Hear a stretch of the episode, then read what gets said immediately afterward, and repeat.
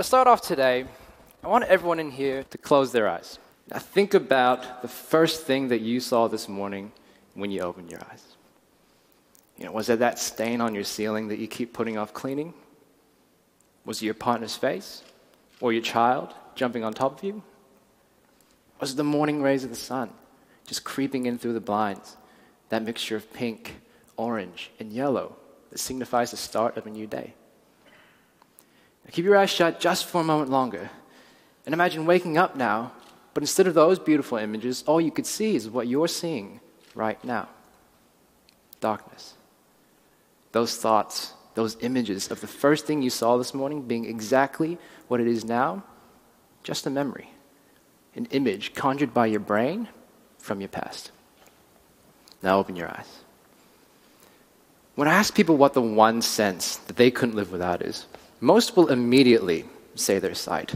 And you can understand why that is. I mean, our vision and what we see plays such an integral role into how we perceive the world around us. I mean, just look at how much we spend on buildings, on parks, on architecture, on things just to please our visual sense. But what if we can't see? What if we lose this gift? What if slowly but surely your visual field looks something like this? Well, this is exactly what happens in age related macular degeneration, or AMD. This disease is the leading cause of blindness in the developed world. This disease affects one in seven New Zealanders over the age of 50, and yet the most common form of this disease has no cure. AMD is a serious problem. But we think we have something that may just be the solution. These tiny molecules called microRNA that are incredibly powerful gene regulators. But first, let's talk a little bit about how we actually see. Now, that is just a stunning structure, isn't it? I mean, I could stare at it forever, which is ironic, because that's what allows me to do so. This is a retina. This is the thing that allows us to absorb light bouncing off of objects. This is the thing that allows us to define shapes, define edges. This is what allows us to see. It lines the back of the eye and is multi layered, with each layer containing cells with its own respective role. Now, the cell type I want you to know about today are photoreceptors. If you break down the word, you can figure out what they mean. Photo, meaning light, and receptors, well, something that receives. So they receive the light.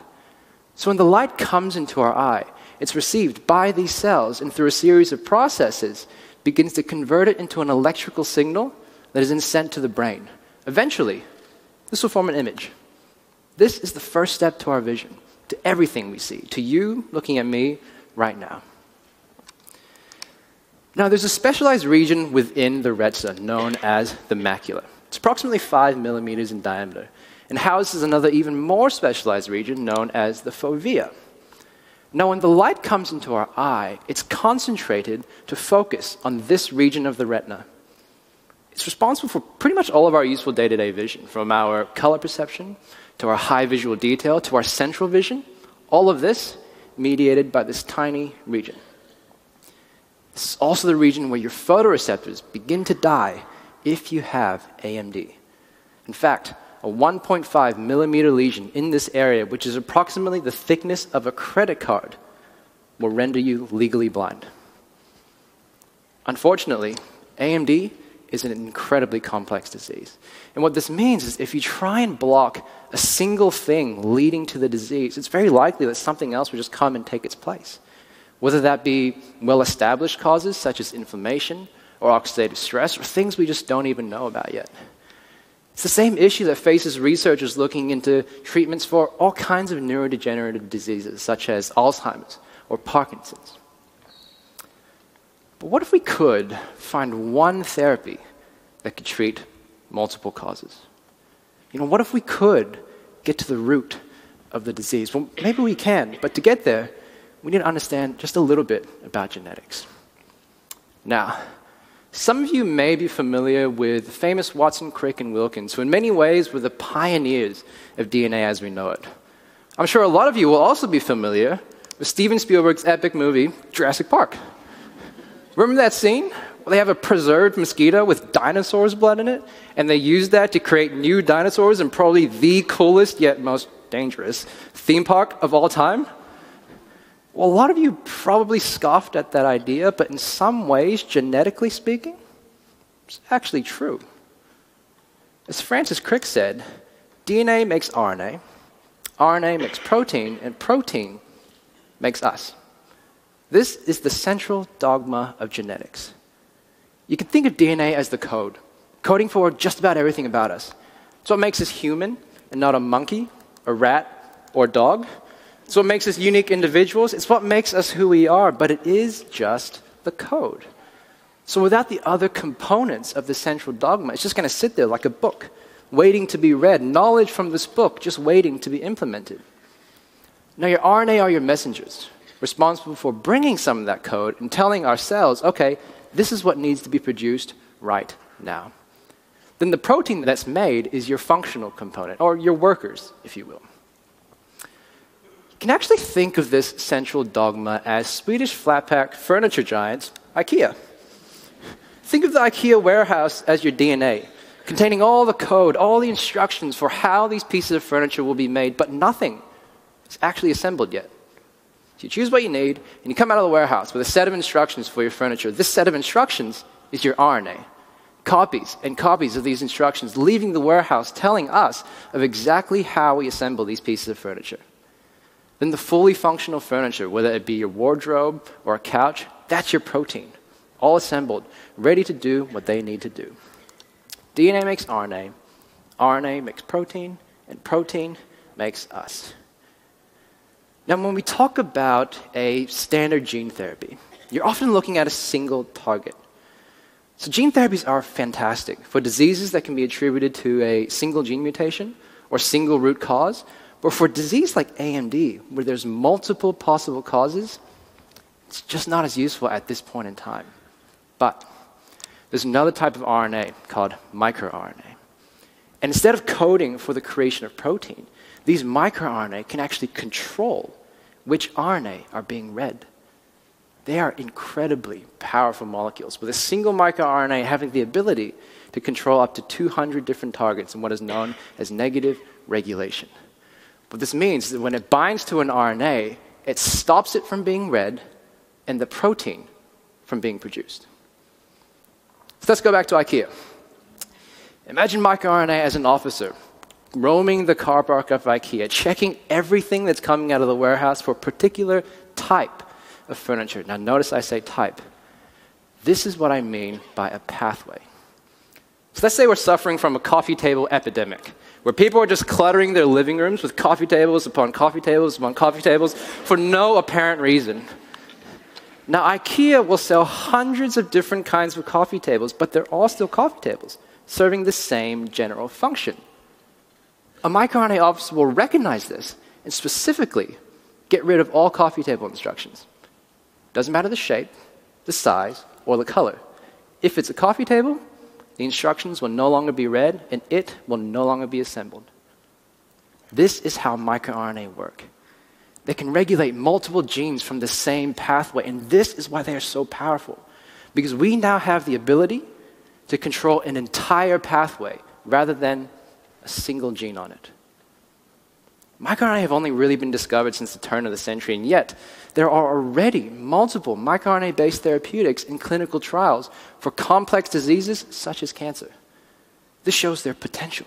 This shows their rapidness in going from the lab bench to the clinical bedside. So let's recap.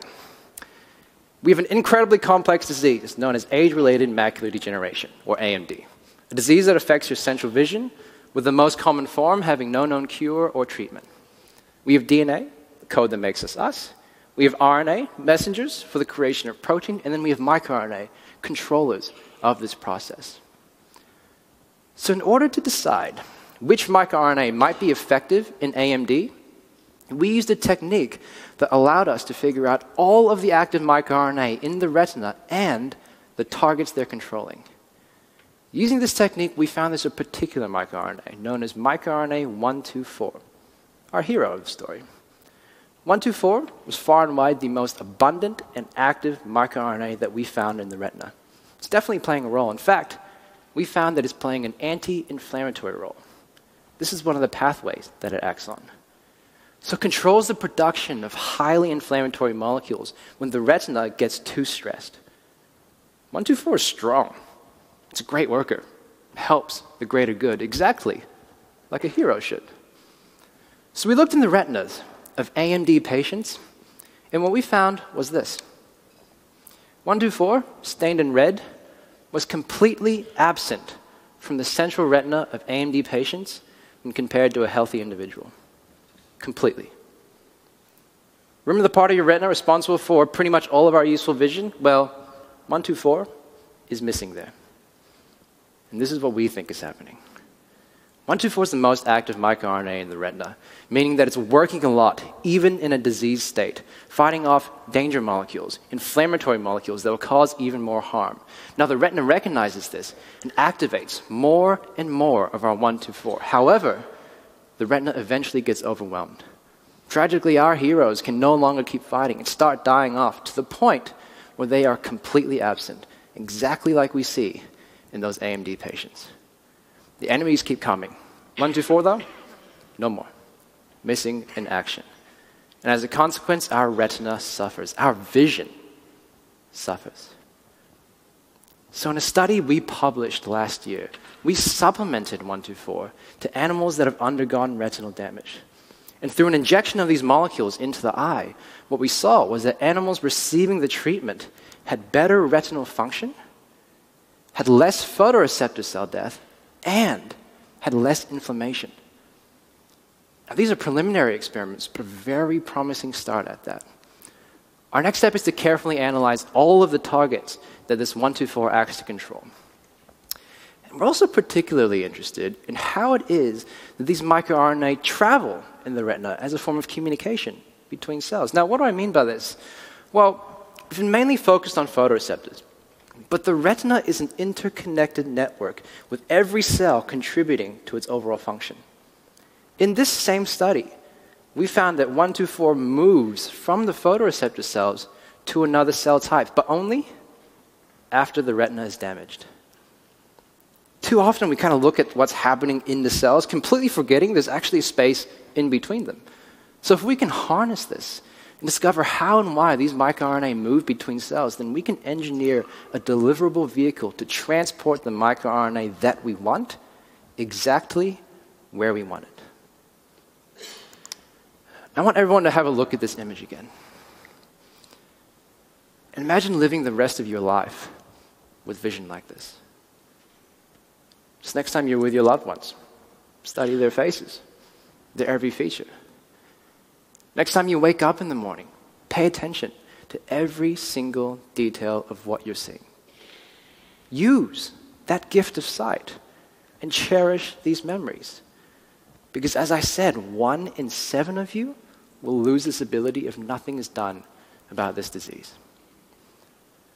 With an aging demographic in current times, our society seems to be very concerned about living longer and extending our lifespan. This is so wrong. Trust me when I say this. Longevity is not the answer. Quality is the answer. It's not about